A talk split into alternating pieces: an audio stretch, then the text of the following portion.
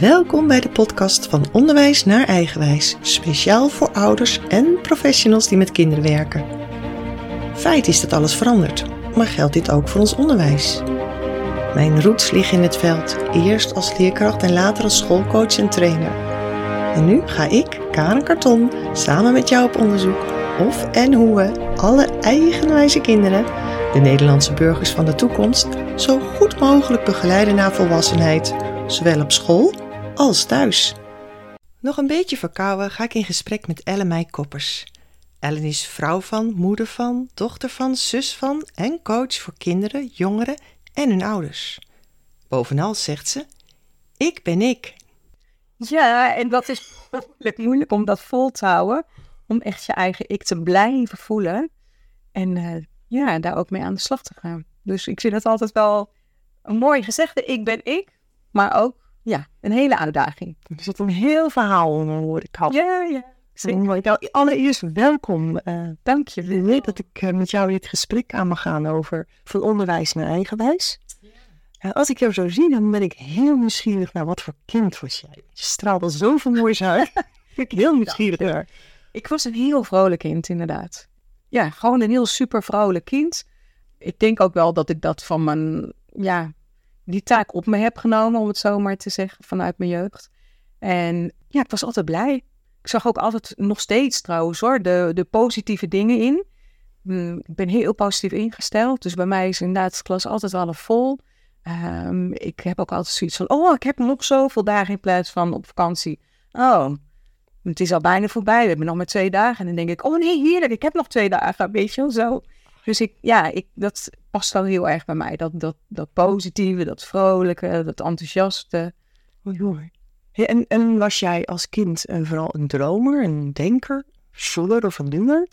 Ik was een voeler. Maar er is iets gebeurd in mijn leven waardoor ik dat wel een beetje op de achtergrond heb uh, geduwd. Dus in, ik denk dat ik wel, ja, wel een dromer was ook.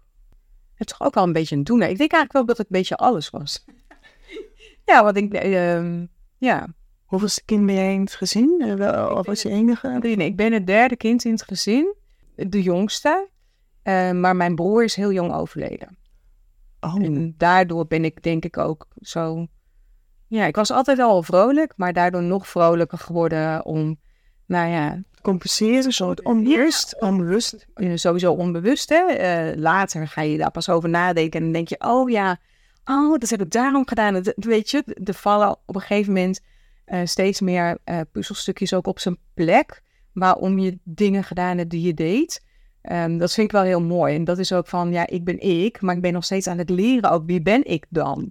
En, en waarom deed ik toen zo? Dat, dat, dat, dat onbewuste waar je net zei, ja, je weet heel vaak niet waarom je dingen doet. Je doet het gewoon.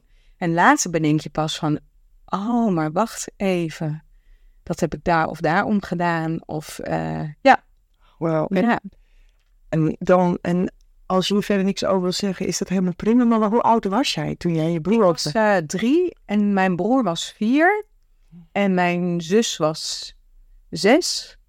En ja, ja met, mijn, mijn ouders, we hebben met z'n allen als gezin een, een, een zwaar ongeluk gehad. Een, een oh. auto-ongeluk. Uh, in die tijd waren de oudsten nog niet zoals uh, de oudsten nu zijn.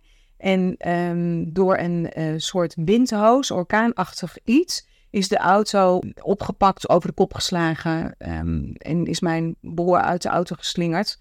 Gordels bestonden nog helemaal niet, weet je. Mijn broer is daar overleden.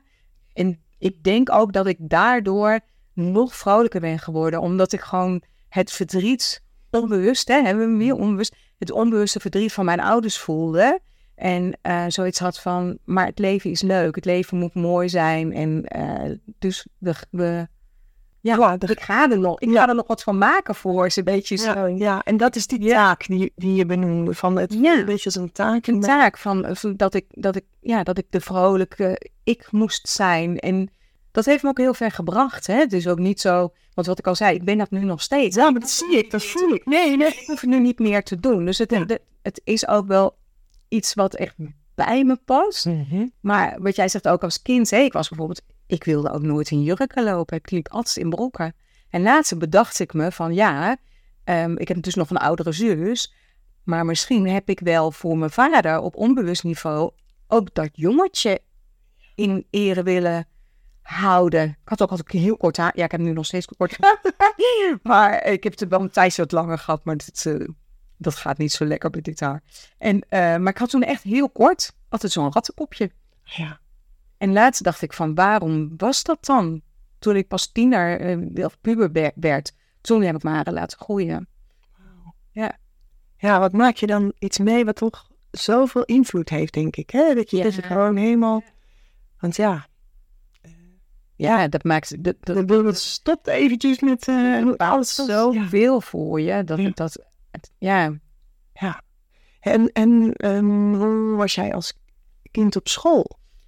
Nou, op school was ik wel een dromer inderdaad. Ik, ik weet ook altijd, ik zat nooit op- met mijn billen op de stoel. Ik was- zat altijd met één been zo onder mijn billen, maar dat mocht niet. En dan kwam de lerares langs en die zei altijd, ik weet nog zo goed, mevrouw Bentvelsen. En ik zie er gewoon nog helemaal voor me. En dan zei ze, Ellen, ga op je kadetjes zitten. nou, dan moest ik dus mijn benen onder vandaan halen. Ja, ik zag ook wel alles wat er buiten gebeurde. Eh, Dus eh, ja, veel naar buiten gekeken. En ja, verder was ik op zich was ik een, ja, een, een, een makkelijke eh, leerling in de klas. Ze noemden mij ook het zevenkind. Wat ik eh, was heel erg hoor. Maar ehm, ik vond een zeven wel een mooi cijfer. En nou ja, soms dan dacht ik van nou, ik had een broertje dood aan leren en zo. Dat vond ik allemaal niet leuk. Ik vond school meer zo, nou ja, ik vond het prima om naar school te gaan. Maar ik had nou niet zoiets van, oh yes, leuk, ik ga naar school. En dan was het ook zo dat als ik dan een keer een goed cijfer haalde, dat ik de keer erop gewoon rustig een onvoldoende haalde. Want dan gemiddeld stond ik dan was een zeven. En 7 is nog steeds volgens mij jouw geluksgetal, of niet? Was je nee, dat was een andere. Oh, nou, dat Nee, nee, dat is nee, niet. acht is mijn, eh ja, acht. acht zet er ook altijd voor een eh, geluksgetal. Hè, maar nee, acht is dat bij mij. Dat is eh, meer de lemniskaat, hè? Ja, helemaal mee eens, helemaal mee eens. En, en je noemde het al, een leerkracht. Is er nog eentje geweest die voor jou al cruciaal is geweest? Of helemaal niet? Is het niet echt zo belangrijk geweest? Of niet? Nou, op de basisschool, eh, meester Koeter, dat was ook wel echt, dat was het hoofd van de school. Die, hij was in de oorlog gewond geraakt, dus hij had zijn arm op een speciale manier. En dat vonden wij natuurlijk wel altijd heel apart, hè? zeker als je jong bent. En dan dacht ze ook, hoe komt hij daar dan aan? Maar daar vertelde hij weinig over. Maar mijn moeder kende hem wel, dus mijn moeder heeft mij dat verhaal ooit verteld, dat hij dus in de oorlog eh, door een granaatscherf eh geraakt is volgens mij. Of maar in ieder geval daardoor had hij dus een, ja, een half verlamde arm, zeg maar. Maar dat was zo'n leuke meester. Dat was echt, eh, ik weet ook nog wel, wij zaten ook echt in een hele grote klas. Ik denk dat wij zeker, nou, 35 leerlingen of zo in de klas hadden. En, maar die man, die, die, die had iets. En die, die kon een sfeer creëren in de klas. Waardoor iedereen daarbij hoorde en iedereen zich geliefd voelde. En iedereen, ja, of je nou inderdaad naar de, naar, naar de MAVO zou gaan of naar het gymnasium. Dat maakte voor hem niet uit. En ja, dat doet wel iets met je als kind. Dat je denkt van ja, Veilig, je bent geboren. Ja, je hoort gewoon bij Ja. voor wie je bent. ja, Ik ben ik. ik ben ben ik. ik. Ja, ik mag ik zijn. Ja. Of mooi dat hij me dat zo meegeeft. Ja, ja. En, en toen ben je naar de middelbare school gegaan. Had jij nog even nog, wonen ook hier in de buurt? Waar woon jij? Eh, ik, wij woonden in eh Beeldhoven, op de grens van de Beeld. Dus voor de mensen die Beeldhoven kennen, niet in Beeldhoven Noord, want dat is wel echt ander, ja, een andere populatie. Daar ben ik opgegroeid eigenlijk eh, mijn eh, hele jeugd en ja, totdat ik uitvloog. Ehm, en mijn middelbare school eh, was in Utrecht, dus ik ging wel op de fiets eh, naar Utrecht. En, en heb jij altijd je vriendinnen en vrienden gehouden? Of Nee, ik had, ik had heel weinig, eigenlijk nauwelijks vrienden en vriendinnen. Eh, op de basisschool had ik veel vrienden. Ik, ik speelde echt met jongens. Ik hield ook niet van meisjes dingen doen. Wel van knutselen en zo, dat vond ik heerlijk. Dat doen meisjes en jongens natuurlijk. Maar in de pauzes, dan eh, ging ik ook altijd liefst je met de jongens op het veld. En ja, dat was gewoon mijn passie. En ik dacht altijd, ja, dat getut. Ja, nog. Van die meisjes, ja, sorry, ik, dat, dat paste gewoon niet bij me. Eh, dus ik had, wel, ik had wel veel vriendjes, speelde ik ook echt veel mee. Ik had één vriendin, een hele goede vriendin. En die is nog steeds in mijn leven. En ja, voor de rest eigenlijk, ik was ook best wel een beetje nou, jaloers. Ja, jaloers wordt vaak um, negatief um, bestempeld, hè. Maar dat... Kan ook een inspiratiebron zijn, hè? Weet je, het, ik, ik gun het de ander heel erg. En uh, wat is ook weer, het is dan niet, uh, als je de ander goed, is het gewoon eigenlijk inderdaad wel je, uh, afgunst. Dat is de dingen. Het afgunst, dat is fout eigenlijk, zeg maar. Maar jaloers zijn, ik was best wel jaloers op bepaalde meiden. Dat ik dacht van, oh, die hebben leuk allemaal vriendinnen, maar mij pikt dat niet.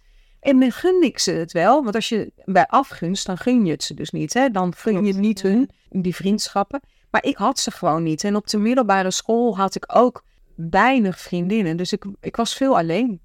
Ja, ja, veel alleen ben ik geweest. En, en uh, ging je dan bij je, uh, bij je zus te raden? Of? Nee, ik had helemaal geen band met mijn zus. Oké. Okay. Um, mijn zus was dus wel echt een meisje-meisje. Was ook echt een heel ander type. Of is eigenlijk een heel ander type, want het is ze nog steeds. Nee, wij waren zo verschillend. En, en ja, ik, ja, ik denk dat ik mijn broer ook heel erg miste. Want ik was natuurlijk veel meer, meer ja... Oh, jullie waren in het begin natuurlijk heel veel Ja, wij, uh, uh, want mijn zus is, zeg maar, tussen mijn broer en mijn zus zat bijna twee jaar. En tussen mij en mijn broer zat maar een jaar. Ja. Wij zaten veel dichter op elkaar. Wij deden ook alles samen. In die, uh, ik, als je op foto's uh, ziet, dan, dat is altijd, ja, mijn broer en ik. Ja.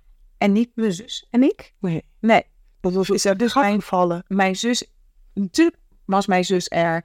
En heb ik ook wel dingen met mijn zus gedaan. En mijn ouders hebben ook echt wel geprobeerd om, om alles met ze als gezinnetje te doen. En dat, dat was ook prima. Maar ik heb niet zo'n niet zo'n band met mijn zus. Uh, als dat je zou verwachten tussen zussen. Dat is pas veel later gekomen. Oh. Ja. Dus dat is, ja, het, ja, dat is het verleden. Is, ja, de, uh, ja. ja. Nee, dus ik, nee, dus ik ging ook niet te raden bij mijn zus. Nee, absoluut niet. En alleen is, is op jezelf, maar was je ook eenzaam? Um, is, soms voelde ik me eenzaam, maar het was meer alleen. Dus op school had ik echt wel een groepje waar ik bij hoorde. Daar wilde ik ook heel graag bij blijven horen. Dat je ook dingen deed dat je dacht van... Hè? Oké, okay, ben, ik ben dus niet ik, hè? Ja. Nou ja, ik weet nog wel dat, uh, weet je wel, toch... Uh, roken, uh, trekjes nemen, terwijl je dat eigenlijk helemaal niet wilde. Uh, drinken, terwijl ik het heel vies vond. Ik heb het ook eigenlijk niet gedaan, weet je, maar gewoon om erbij te horen, toch maar zo'n, zo'n, dan deed ik net alsof ik een slok nam en dan deed ik eigenlijk mijn lippen gewoon op elkaar. Maar je proef je het toch? En dacht ik van, oeh, zo vies, zo vies. Uh, spijbel, nee, spijbelen heb ik volgens, heb ik dat ooit gedaan? Nee, spijbelen heb ik echt nooit gedaan. Ik heb nooit gespijbeld, nee. Nee, ik heb nooit, Vind je dat knap? Ja, nee, ik heb nooit gespijbeld.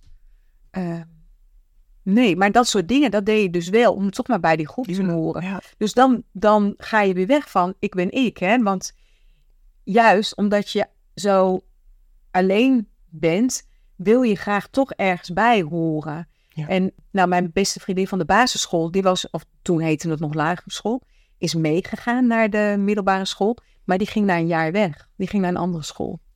En ik bleef op deze school. Ja. En het is, uh, ik heb er heel lang ook niet over kunnen praten over mijn middelbare schooltijd.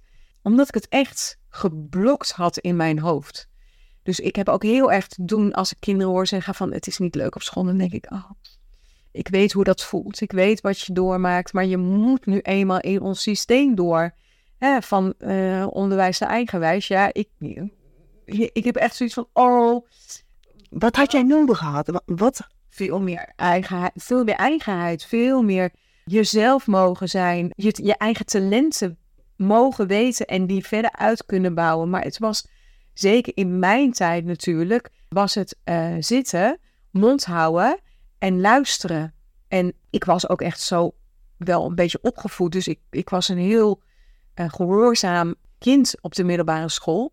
En ik noemde de middelbare school ook Colditz. Nou zal dat jou misschien niks zeggen. Maar in, de, in die tijd was dat een, een serie en die ging over het strafkamp. Over de oorlog. En dat strafkamp dat heette Colditz. Nou, voor mij voelde de middelbare school als Colditz. En nu zijn het echt als een strafkamp. Wow. Ja. Dus ik, ik heb ook zo te doen als ik uh, uh, kinderen hoor zeggen van... Ja, weet je, school is niet leuk en waarom moet ik naar school? En toen ik mijn doel leerde kennen, dat ik wist wat ik wilde... Ja, toen gingen voor mij alle alles open, zeg maar. Toen, dus toen Alle gevangenisdeuren vlogen open, nou, alles vanuit. Op de, op de middelbare school, maar toen ik mijn, mijn, mijn opleiding ging doen. En wat ging je voor opleiding doen? Um, ik heb de KLOS gedaan, de kleuterleidste opleidingsschool. Uh, later heb ik uh, nog een jaar daar vastgeplakt, dus ik ben eigenlijk een, een paboer, zeg maar, wat nu de pabo is. En daar, want dat was ook heel bijzonder, daar werd je gezien ook om wie je was. En werd heel veel juist een beroep gedaan op je creativiteit, op je, je kennis van hoe ga je met anderen om, hoe ga je met kinderen om. Daar bloeide ik helemaal op. En ik bedenk me nu ineens, waarom is 8 mijn geluksgetal? Toen heb ik, van toen af aan zei ik, als ik geen 8 haal voor mijn tentamen, dan ben ik niet tevreden over mezelf. Dus daar is die 8 denk ik vandaan gekomen. Van de 7 naar de 8. Van de 7 naar de 8. Want ik, ik kon, ja, maar ik kon het ook. Alleen niet op die middelbare school. Nee. En op die basisschool kon ik het ook hoor. Ik kon ook beter dan de zeven, maar... Ja, maar waarom zou je? Precies. maar toch wil ik dan even terug, als jij, hè, want je hebt er dan natuurlijk ook je coachpraktijk over, van wat zou jij, als jij een, een, een, de macht had, als jij wakker zou worden en ze zouden zeggen, en ze bellen aan, en oké, jij mag nu iets doen aan het onderwijssysteem, wat zou jij dan veranderen? Onmiddellijk een vak invoeren over uh, zelfontwikkeling zelfkennis, zelfontwikkeling, uh, waarbij je echt leert van oké, maar wie ben ik dan? Wat, waar sta ik voor? Wat je staat, je denkt dat je ergens voor staat, maar het zijn de waarden van je ouders waar je vaak voor staat. En de waarden van de school. Uh, de maatschappij. En de maatschappij. Mm -hmm. Ja, oh, absoluut. En, en pas veel later eh, gaan mensen zichzelf ontwikkelen. Gaan ze leren uh, kennen wie ben ik nou? Dus ja, ik zou zeggen, meteen zo'n soort vak invoeren. En wat ik heel mooi vind in het Amerikaanse uh, stelsel, kijk, we kunnen van alles vinden over Amerika hè? Uh, en ook over het schoolsysteem daar. Maar zij hebben dus op iedere school hebben zij gewoon coaches in dienst, hè? waar je als leerling heen kunt gaan om je verhaal kwijt te kunnen. En ik denk, oh, wat had ik dat toen graag gehad? Een vertrouwenspersoon. Kijk, die zijn er nu wel steeds meer. Uh, maar nog niet altijd ook makkelijk te bereiken, mak uh, makkelijk toegankelijk, toegankelijk, weet je. En ja, ik ben dat zo met je eens. Dat had ik ja. zo graag gewild. Ja. Want daar zijn daar dingen gebeurd, nou echt dat ik denk van, je kan er nu nog om huilen, bewijs van. En niemand snapte mij ook. Weet je, thuis werd er gezegd, je kan het, je moet harder werken. En ik dacht, ja, maar hoe, hoe dan? Niemand die mij uitlegde hoe ik moest leren. Ik snapte het ook echt niet. Ik, jij hebt in een podcast iemand gehad, volgens mij, volgens mij was het bij jou in de podcast, iemand die om uh, zeven uur uh, of om uh, vier uur opstond, hè? Ja. En dan ging leren ja, en dan zijn examen deed. Ja, René. Ja, ik herkende, me, ik herkende mij daar helemaal in. Dat deed ik ook. Hmm. Want ik wist niet hoe ik moest leren. Dus dan zette ik de wekker om vier uur. Dan ging ik om vier uur ging de stof lezen. En dan zat het blijkbaar in mijn korte termijn geheugen. En dan maakte ik het. Maar ja, bij het, bij het examen, het, het, uh, het algemene examen aan het einde van je hele schoolperiode. Ja, dat heb ik echt met mijn hakken over de sloot gehaald. Want ik snapte er gewoon geen reet van. Ja, wat er het recept is, dat, wat zat er nog in. Maar de rest niet. En ik wist ook niet hoe ik het moest leren, want het was zoveel. En had je het nodig? Heb je het nodig gehad wat je hebt geleerd? Nee, maar ja, dat heb ik altijd geroepen. Waarom leren wij al die dingen die je helemaal nooit meer gaat gebruiken? Precies. Ik denk dat we daar het gesprek eens over moeten hebben. Van waar stoppen we het hoofd van de kinderen mee vol? Terwijl het hoofd al van nodige dingen. Ja, want een hoofd zit al vaak vol, omdat ze al zoveel meemaken. Zeker in deze tijd ook. Ja. En ze horen zoveel, ze zien zoveel. Denk je dat ik, kijk, rekenen, natuurlijk is het heel handig hè, dat je als je eh, je muur wil eh, verven, dat je even uit kunt rekenen wat de oppervlakte is en hoeveel eh, blikken verf je nodig hebt. Super handig. Maar denk je dat ik nog parabolen gebruik, x-assen en y-assen, maar op vanuit de wiskunde? Nou, echt niet. Dat gebruik ik niet meer. Nee. nee. En er zijn mensen die daar heel goed in zijn en die dat heerlijk vinden. En die zou je daar helemaal volledig de kans moeten geven om daar zich helemaal... Ja, ja maar, super, maar, maar ja, kijk, als je een bepaalde basis moet hebben, ben ik het helemaal mee eens. Die, die, die basis, die is wel belangrijk. Want als je het helemaal overlaat aan kinderen, dan ben ik bang dat ze inderdaad alleen maar doen wat ze leuk vinden. En dat ze misschien zelfs nooit leren lezen. Hè? Want als, je, als je lezen moeilijk voor je is. Mhm. En daarmee wil ik niet zeggen dat wat we nu doen. Je zit in groep drie en je moet leren lezen. Dan denk ik, uh -uh. Maar oké, dat is mijn visie. Hè? Maar je moet denk ik wel op een gegeven moment kinderen stimuleren dat ze bepaalde basisvaardigheden echt wel leren. Ja, dingen aanreiken. Dat het hier ook. Ja, ja. Nou, maar ook dat ze het wel. wel dat, soms moet je naar basiskennissen ja. doen om dingen te leren. En als jij bijvoorbeeld aanreikt van je kunt leren lezen en je hebt daar moeite mee en je legt het steeds opzij, um, dan ben je op een gegeven moment zover dat je, dat je het niet meer wil. Want dan ga je ook, ook dat, hè, dan gaan we in ons mind zetten ik kan het niet. Nee. Ik kan het nog niet. Ja, precies. En ik zeg, ik zeg heel vaak, je bent het aan het leren. Ja. Want het woordje nog niet hoor je nog steeds de, de niets in. en ik heb iets tegen het woordje niet. Nee, niet vallen, niet vallen, boem. Ja. Ik zeg dat altijd. Niet rennen, niet rennen op school. Uh, en dan gaan ze rennen. Ze worden wat ze ja. moeten doen. Ja. We lopen door de gang. Ja. Ja. ja. ja. Dus, maar... We zijn zo laat weer terug. Ja, Precies. Dus vertel wat je kind moet doen, zeg ik ook altijd. Maar in veel gevallen, als iets dus moeilijk is, schuif je het opzij, wil je er niet aan. Mhm. Maar dat betekent dat je op een gegeven moment het niet meer gaat doen. En dat is zonde, want er zijn basisvaardigheden zoals lezen. Dat vind ik echt een basisvaardigheid. Schrijven, of je dat nou schrijven of typen doet, mm kun je nog over reden twisten. Maar er zijn basisvaardigheden die je echt moet. En ook rekenen. De basis van rekenen moet je gewoon kennen. Ja. Maar of je de tafels allemaal uit je hoofd. Ja, ik heb zo gezien dat de, de kinderen meer dan de tafels. Echt hartstikke mooi. En dan uh, heb ik dus ontdekt dat ze gingen rekenen. En dan leek het alsof ze de tafels niet kenden. Maar dan was het 64 en wat schuiven ze op. Maar omdat er dan zoveel kinderen in een klas zitten, dat je dat soms niet in de gaten hebt. Dat het gewoon er doorheen glipt. En dan vaak doen ze het weer wel goed. En was het in hun hoofd, hè? Nou ja, dat. Dat je dan specifiek gaat kijken van, kunnen ze het niet? En waar heb je het voor nodig? In de context plaatsen. Dat is ook wat kinderen volgens mij heel erg. Uh, ik vind inderdaad, je moet alles in de context plaatsen. Je moet bij alles voorbeelden geven. Waarom leer je het nu? In principe doe ik geen remedial teaching in mijn, in mijn praktijk. Maar soms uh, komt het gewoon wel uh, te sprake. En dan leg ik ze ook heel vaak uit, met name bijvoorbeeld kinderen die het niet leuk vinden om naar school te gaan, waar, waar heb je het nou voor nodig? Waarom moet je nou die bepaalde vaardigheden leren? En dan vraag ik ook, wat vind jij nou leuk? En dan ga ik met, met de interesse van het kind ga ik uitleggen waarom die vaardigheid zo handig is. Ja, perfect. En dan zie je ineens van, oh, ja, daarom moet je het leren. Dan kun je het wel niet leuk vinden, maar nu weet je waarvoor het moet. En dan zie je al heel vaak zoiets van: oh ja, maar dan is het niet meer zo erg. Want ze zien het nut ervan in, ze, ze snappen waarom het zo is. Dus eigenlijk wat je mee bezig bent, is de weerstand dan weghalen. Waardoor er weer openheid komt, nieuwsgierigheid. Want we leren allemaal van nieuws, door de nieuwsgierigheid die ons ja. verder brengt. Ah, heel mooi. En, uh, wat vind jij het mooie aan uh, dagelijks naar school gaan?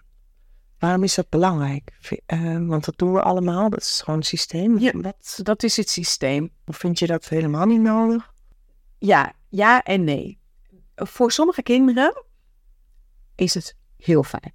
Het geeft ritme. Het geeft je een houvast.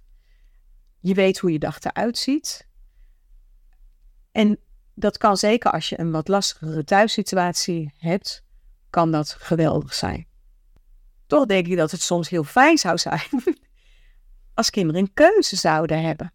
En dat ik denk, ja, waarom mag je als kind niet eh, een dag spijbelen, zouden we het dan noemen. Maar eigenlijk vind ik spijbelen geen goed woord. Want spijbelen is e- eigenlijk, je moet naar school en je gaat niet. Waarom gunnen we kinderen niet gewoon, ik heb wel eens gezegd, geef ieder kind op de basisschool al een kaart, een soort eh, knipkaart met, eh eh, 20, met 20 vakjes. Hè? En die moet je even uitrekenen, want je gaat zoveel dagen naar school. En, dan, en die mag je gewoon opmaken. En dan zeg je gewoon 's ochtends, nou, ik, ik wil vandaag een knipje van mijn kaart af. Ik kom niet. Wat vindt dit leuk? Want dat is altijd een van de vaste vragen die ik stel. Waarop jij dus wow, beantwoordt. Heel leuk. Een strippenkaart. Ja, dat heb ik al Ja, maar die strippenkaart zag ik anders. Dus Oké, dat is wel leuk. eh, Ja, mooi. is, eh, Maar dit is wel wat ik hou. Ja, alle moeilijkheden. Maar dit heb ik Ja. heel vaak eh aangekaart. Ook, ik heb dat zelfs wel eens op school gezegd. Kunnen wij dat niet invoeren op onze school? Gewoon, en weet je, ja, ik, als kind heb je soms gewoon geen zin. En wat doen we dan? Je moet naar school. Wat denk je dat er binnenkomt in dat hoofd van het kind? Vertel. Niks, die dag. Nee, toch? Nee eens? Ja. Er komt 0,0 binnen. Dat kind staat niet aan, zeg ik altijd. Hè? Maar we doen het wel. Terwijl als je dat kind die vrije dag had gegund, was misschien met zijn ouders iets gaan doen of zelf iets gaan ondernemen, had zijn eigen talenten verder kunnen ontwikkelen. En was misschien wel heel mooi weer geweest, was een kind wat heel graag vist. En dan zeggen ze, en die kinderen die graag vissen, die kunnen vaak hun focus niet op school hebben. Hè? Dan zeggen ze, ja, dit kind heeft geen eh, concentratie, zo slecht. En dan, dan ga ik met zo'n kind in gesprek. En dan blijkt een kind als hobby te hebben vissen. En dan zeg ik, nou, met jouw focus zit het wel goed. Met jou. Maar wat is het dan waarom jij op school die concentratie niet op kunt brengen? Want het is dan niet de focus. En dat is wat school vaak onder concentratie is. Ze willen die focus hebben, dat jij naar de juf kijkt, dat jij naar jezelf bent met iedereen tegelijk. ik weet nog wel, ik keek, eh, wat ik zei, ik keek best veel naar buiten toen ik op de basisschool zat. Maar ik wist precies waar het over ging. En als ik naar het bord moest kijken of naar de juf moest kijken, dan, dan dwaalde ik veel meer af.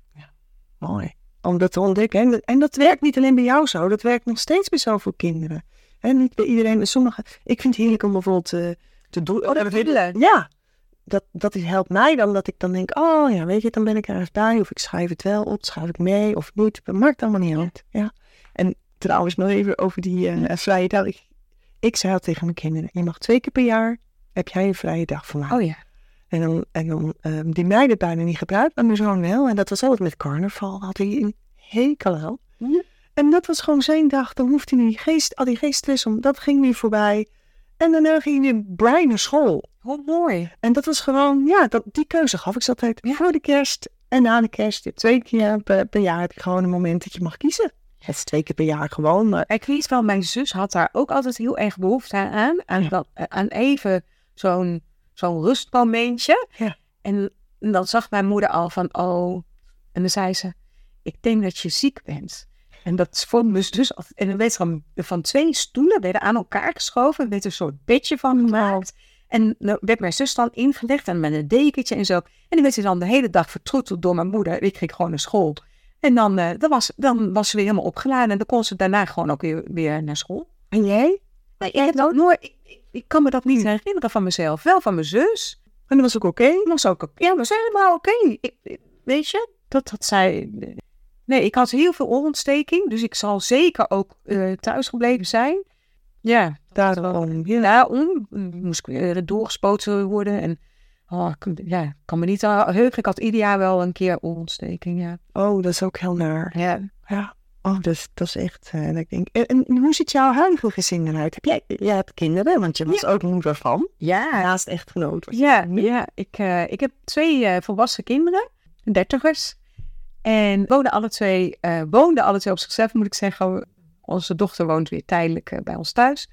Eh, heeft in het buitenland gewoond. En ja, echt super. Die, die, die, die is, dat is ook echt zo iemand die haar dromen najaagt. Maar ook het Ehm, zowel mijn zoon als mijn dochter hebben eigenlijk best wel last gehad van het stelsel zoals het stelsel is. Het onderwijsstelsel. Ja. Want? Nou, eh, ik, weet, ik weet van mijn zoon, die heeft heel veel gespijbeld. Terwijl ik dat niet wist, dat heeft hij me pas later verteld. Eh, die deed ook echt, ehm, ja, nou, ik zou bijna zeggen met twee vingers in, zijn neus, de middelbare school. Eh, maar die had ook een broertje dood aan, aan leren. Maar ja, wel stel hersenen, waar eigenlijk meer in zat. Nou, dat heeft hij uiteindelijk ook wel waargemaakt, want hij is gewoon afgestudeerd HBO. En als dyslect ook nog op communicatie, media en communicatie, dat je denkt, hoe krijg je dat voor elkaar? Maar ja, weet je, dus die, ik denk ook als hij, hij heeft zijn, zijn route gelopen die hij wilde lopen, dus toch uh, eh, TL gedaan, daarna uh, GLU, dus echt bezig zijn met creativiteit. GLU is Grafisch Lyceum Utrecht, dus een grafisch vormgever is hij ook geworden. Uiteindelijk niet, maar dat was, en toen is hij dus doorgegaan naar het HBO. Ja, ik zeg ook altijd tegen ouders, joh, wat erin zit, komt eruit. Nou, dat heb ik bij mijn eigen eh, zoon ook gezien. Maar ik denk, als het systeem anders in elkaar had gezeten, mhm. dat hij sneller daar was gekomen waar hij wilde zijn. Of dat beter is, weet ik overigens niet, hè? want daar twijfel ik ook wel eens aan.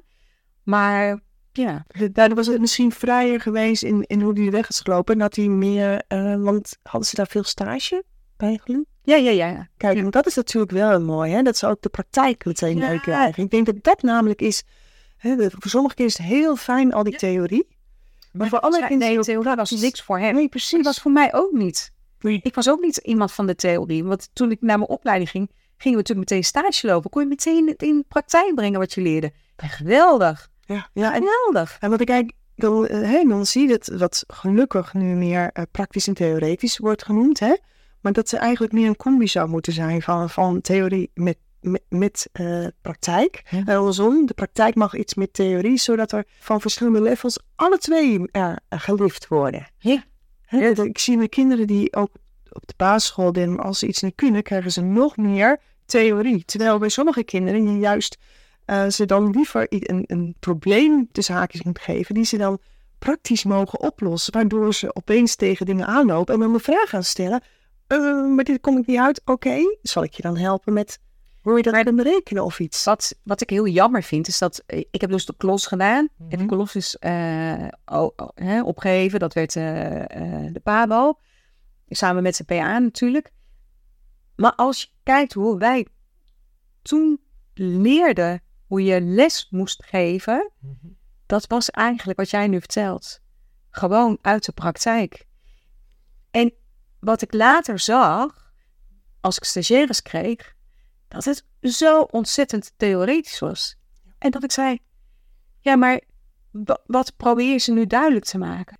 Weet je, uh, schiet nu uh, even, ja, uh, drijven en zinken. Dan kan je gaan vertellen over de, de massa van het product en hè, de massa van water en hoe dat dan, dat is de theorie. Uh, nou zul je dat niet bij een kleuter doen, hè? sowieso niet. Maar om even... Ja. niet zo, dat leer je wel. Mhm. En dan denk ik, nee, zet een bak water neer. Geef ze allerlei voorwerpen en laat ze uitzoeken wat blijft drijven. Wat zingt.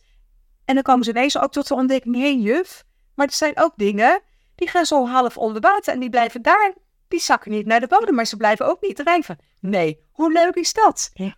Ja, en als je de ene hebt gedaan, je van, wat zou er met deze gebeuren? Hè, dat je ze zo wakker maakt van, oké, oh wacht, ik mag even nadenken. Want dan denken ze ook na. En, dan, en waarom? waarom? Heb ik gelijk of niet? En dat maakt niet uit. Daar gaat het niet om. Nee, maar van, ja. ja. En zo leerden wij natuurlijk de kleuters ja. eigenlijk alles. En als ik nu zie wat er die kleuterhoofdjes eigenlijk al gestopt wordt. Op een gegeven moment was het bedacht dat een kleuter als hij naar groep 3 gaat, dat hij 15 letters moet kennen. Daar vind ik wat van. ja, sorry. Ik vind daar echt wat van. Nou ja, we worden meteen allemaal al in zo'n sluis uh, niet iedereen is theoretisch. Nee, of de tijd, hè? Kijk, kijk naar de onderzoeken die gedaan zijn. Eigenlijk zijn jongetjes, de hersenen van jongens, zijn vaak pas na hun zevende dat ze leesrijp zijn. Wat doen wij?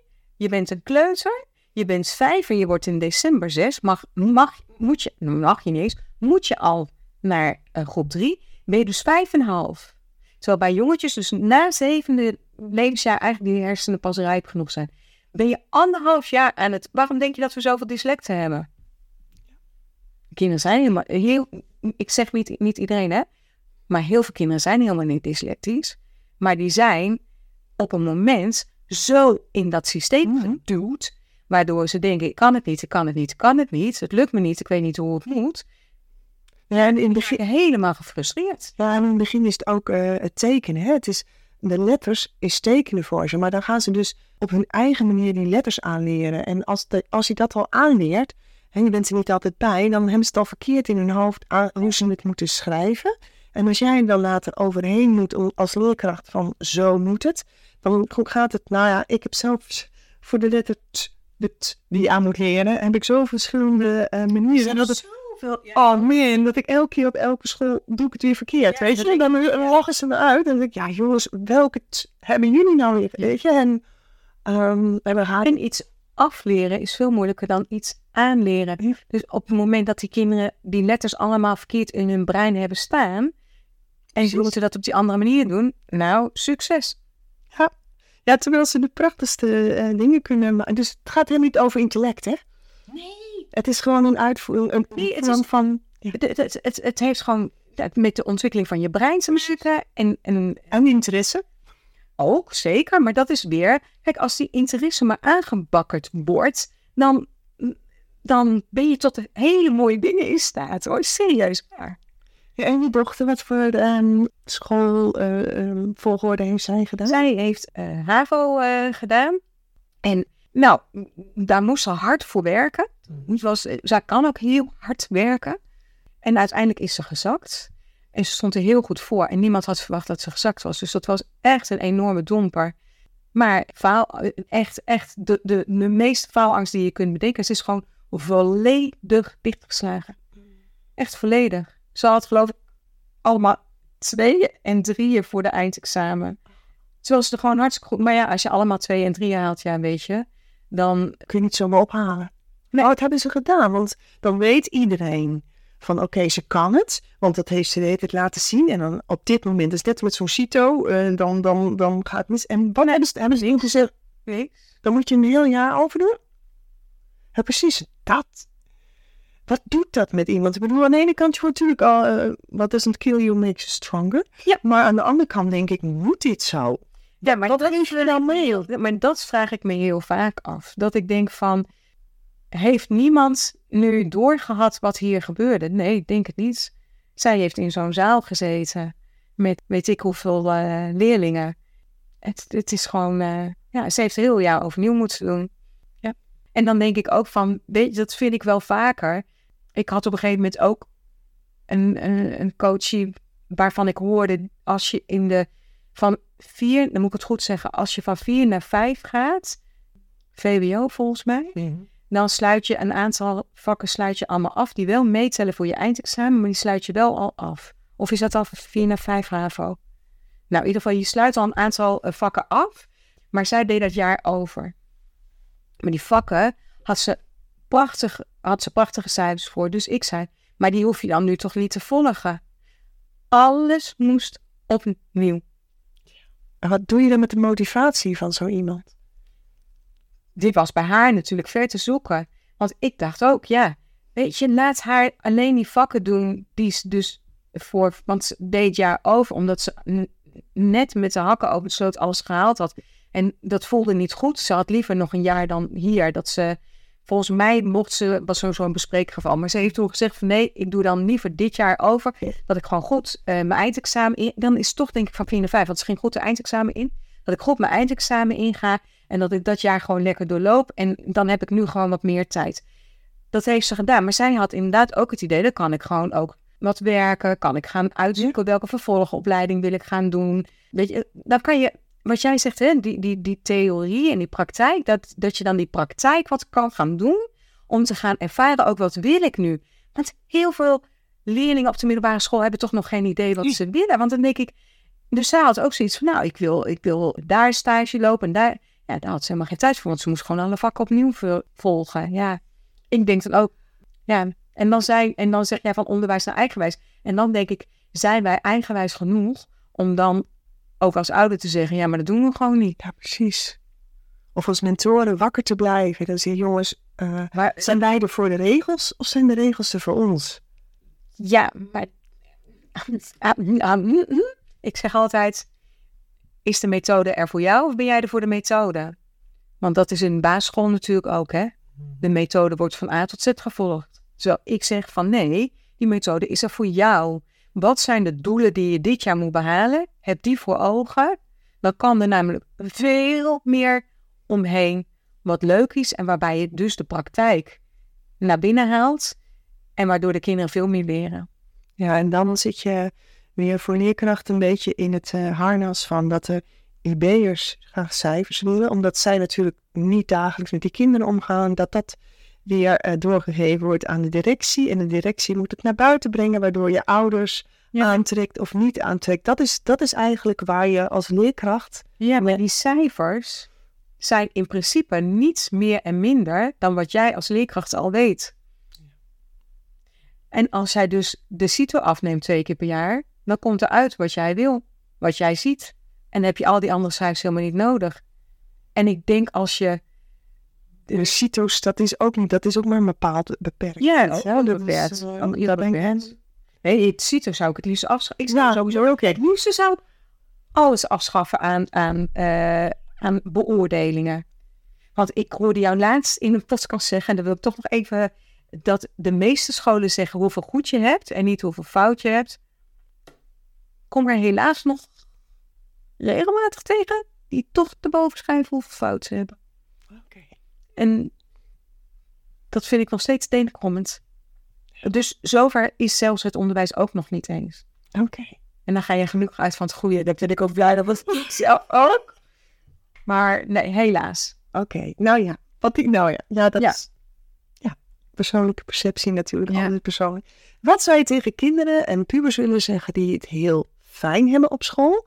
En wat zou jij tegen kinderen en pubers willen zeggen? Eh, hè, op de basisschool, middelbare school, die echt, nou ja, over tegenaan lopen. Of misschien wel Ja. tegen hun ouders. Want de kinderen zullen het niet zo snel horen, maar de, de ouders. Want ook heel veel ouders zijn gewoon onzeker van, ja, ik heb dit zelf als ervaring. Nu heb ik kinderen.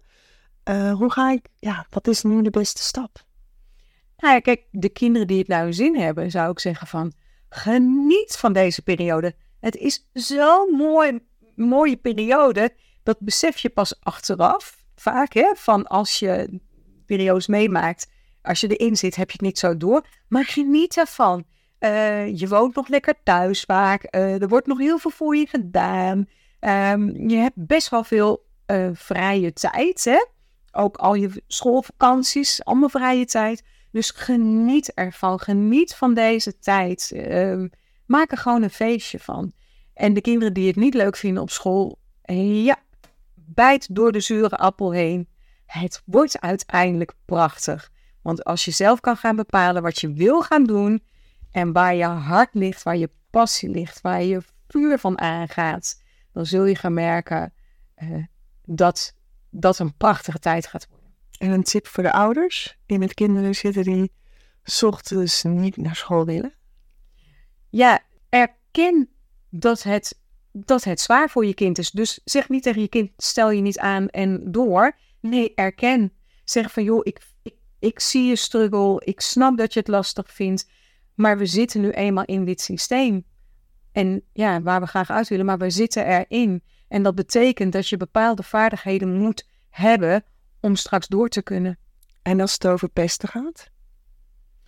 De pesten, dan zeg ik meteen aan de bel trekken. Echt, pesten is het meest schadelijke, denk ik, voor een kind eh, om, om tot ontplooiing te kunnen komen. Dus dat je daardoor juist niet tot ontplooiing komt. En pesten wordt heel vaak door, nou, generaliseer ik een beetje, waar ik eigenlijk een hekel heb, maar door school vaak afgedaan als van ga maar naar rots en water. Maar dat is niet de oplossing. En eh, eh, als kinderen gepest worden, als ouder ook, ga ook kijken van hé, hey, hoe komt het dat mijn kind gepest wordt? Ben ik zelf ook gepest? Hoe sta ik daar nu tegen? Hoe kijk ik daar zelf nu tegenaan? Soms heb je ook als ouder nog iets te doen, nog iets op te ruimen, nog iets aan te gaan, zodat het voor je kind makkelijker is om ook uit eh, die gepeste rol te stappen, de gedupeerde rol te stappen. En als jouw kind, eh, nou, je komt eh, op gesprek en je krijgt van die te horen van, wist jij dat jouw kind toch wel eh, een van de veroorzakers is van het ongeluk van anderen? Dan hoop ik dat je als ouder daar ook iets mee doet. Ja, maar mijn kind doet zoiets niet. Eh, Ik zou vragen, mag ik het opnemen? Dan kan ik het je laten zien. En jouw kind doet, doet dit ook met een reden. Hè? Het is niet zo dat je... eh, De, ik zeg altijd, een kind wat, wat pest, heeft het vaak moeilijker nog dan het kind dat gepest wordt. Want het kind wat pest, doet dit vanwege een bepaalde reden. Die heeft dit nodig om te overleven. Ja. En die weet niet anders dan het op deze manier te doen. Dus jij als ouder, als je hoort dat jouw kind pest, dan heb je iets te doen. Want jouw kind heeft dus iets. Mist een bepaalde vaardigheid. Ja. Ja, Ja. wat het wel eh, nodig heeft. ja, dankjewel. Dat vind ik een mooie. Ga ik nog even door? Ja, dankjewel. Ja, maar met eh, de, de dubbele vraag. eh, Of tenminste, ik geef twee woorden en ik wil graag dat je kiest. En natuurlijk mag je daarna nog even uitleggen van als je het belangrijk vindt waarom je die kiest. Is goed. Nou, ehm, geïnspireerd of aangeleerd? Geïnspireerd. Dromen of voelen? Het een kan volgens mij niet zonder het ander. Ehm, moet ik echt kiezen? Nee. ehm, door het dromen voel je. En door het voelen kun je dromen. Mooi. Nee, oké. Ehm, rekenen of taal? Rekenen. Um, klassikaal les of individueel? In kleine groepjes, maar die keuze heb je niet. Eh, individueel. Wiki de Viking of Pippi Langkous? Wiki is natuurlijk dus... Ja, Pippi is natuurlijk ook wel stoer. Wiki is natuurlijk ook wel stoer. Ik denk Pippi. Want? Nou, toch dat, dat zelf mogen ontdekken en niets is gek, alles kan, alles mag. En daar leer je het meeste van. Denk of doen? Doen. Leuk, ja. En toen had ik ook nog de lesuren als strippenkaart of als heilig schoolsysteem. Ja, ik, weet dat je die van, maar die, voor mij klinkt die meer als eh, je hoeft maar zoveel uur naar school. Dus de strippenkaart is maar zoveel uur, dus je hoeft maar tien uurtjes naar school. En dan denk ik dat is te weinig. Dus vandaar dat, dat ik die strippenkaart anders had geïnterpreteerd. Maar als die strippenkaart is bijvoorbeeld van de eh 40 weken moet je er 39 eh, aanwezig zijn, dan zeg ik strippenkaart. Ja. Ja. Nou, dat zat een beetje onder, maar het is leuk, hè? Dat Ja, ik heb het is uitgelegd. Ja, En ik wil ook graag dat iedereen het eh, op zijn eigen manier mag interpreteren. Eh, dat is ook meestal met woorden, hè? De- zeker. Het is vaak een- toch nog een containerbegrip waardoor iedereen, oh, maar wat bedoel je nou exact? En juist daar gaat het mij om. Ik ben nieuwsgierig naar eh, hoe iedereen, eh, nou ja, denkt. Ik kan natuurlijk niet inkomen. hè. Kan ik alleen maar horen. Wel eens, oh, had maar zo'n luikje in je hoofd, dat je zo af en toe eens komt kijken. Heel mooi, hè? Ja. Nou, en als afsluiting wil ik je vragen of je nog een tip, een top of een quote of iets hebt wat je mee wil geven aan de luisteraars. Eh, nou ja, inderdaad, probeer je leven te leven zoals het voor jou goed voelt. En probeer je authentieke ik eh, ja, te vinden en, en te behouden. Dus laat al die maskertjes maar vallen. Maar dat is natuurlijk wel echt een tip voor volwassenen ook, hè? En dat, wil ik, dat zijn ook vooral Ja, voor volwassenen die niet luisteren naar ons. Ja, de, probeer, probeer echt gewoon jezelf te zijn. En dat, dat valt niet altijd mee, maar dat is... Ja, ik denk als we echt allemaal leven vanuit onze, ons hart, onze zielsmissie. Als je weet wat die is en je leeft daarvan uit. En je probeert daar zoveel mogelijk bij te blijven. Dus je echte ik te zijn. eh, ja, ik denk dat, dat we dan een hele mooie wereld hebben. Ja, je hebt rollen en je bent jezelf eigenlijk wat jij zegt. Ja, ja zeker. Ja, mooi. Nou, dankjewel voor dit gesprek. Ja, heel graag gedaan. Dankjewel voor de uitnodiging. Dankjewel voor het luisteren. Als je nog een vraag hebt of wil reageren, Stuur me dan een berichtje via karen.krachtstroom.nl Karen schrijf je met een E en krachtstroom schrijf je met de letters K, R en dan het cijfer 8. Het staat voor de verbinding van hoofd, hart en buik. En dan stroom, zoals je het zegt. En ik zou het echt tof vinden als je me een like zou willen geven. Ik wens je een stromende dag vanuit jouw oneindige kracht. Veel geluk!